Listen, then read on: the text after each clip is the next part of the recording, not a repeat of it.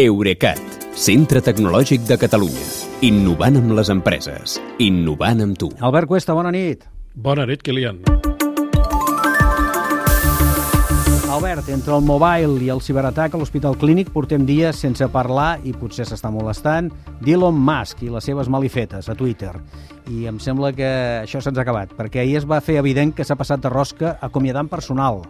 Sí, sí, posem-nos al dia amb, Musk. Uh, és que una plataforma com Twitter amb centenars de milions d'usuaris no funciona sola. Uh, cal gent que la mantingui en marxa i ara mateix a Twitter queden menys de 550 enginyers per fer-ho. Això semblen molts, però són molt pocs. Són pocs.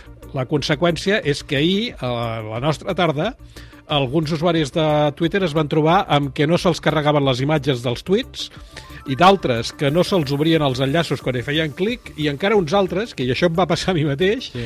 van veure un missatge d'error que ens deia que la tarifa d'API que tens contractada no et permet accedir a aquesta funció, que evidentment no se'ns aplicava, no tenia res a veure amb el que estàvem fent. Yeah. La broma aquesta eh, d'ahir va durar ben bé un parell d'hores i després Twitter va reconèixer eh, el problema dient que algunes funcions no han anat com estava previst i hem fet un canvi intern que ha tingut efectes inesperats. Uh, es veu que aquest canvi intern amb el que consistia és en desactivar l'accés gratuït de les aplicacions externes a la plataforma, que és un canvi un, que ja vam explicar fa uns dies, uh, i que consisteix en que a partir d'ara voldrà començar a cobrar per aquest accés de les aplicacions. Però segons el periodista Casey Newton, que coneix gent a dins, uh, Twitter havia assignat amb aquest canvi només un enginyer de fiabilitat de la plataforma que no va veure que la modificació tenia un error fins que ja era massa tard i d'aquí que s'aturés durant dues hores. No és la primera caiguda de servei de Twitter des que és propietat d'Elon Musk, eh?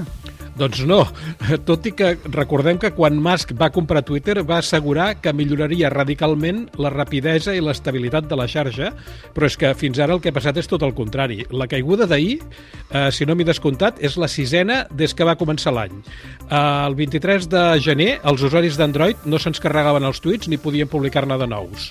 El 8 de febrer ens eh, sortia a tothom un missatge d'error dient que no podies publicar perquè havia superat el teu límit diari, cosa que no existia encara.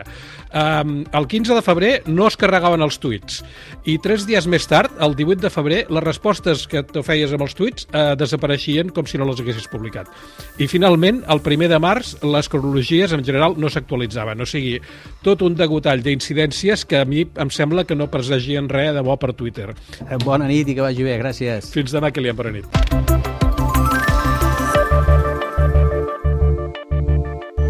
Eurecat, centre tecnològic de Catalunya. Innovant amb les empreses. Innovant amb tu.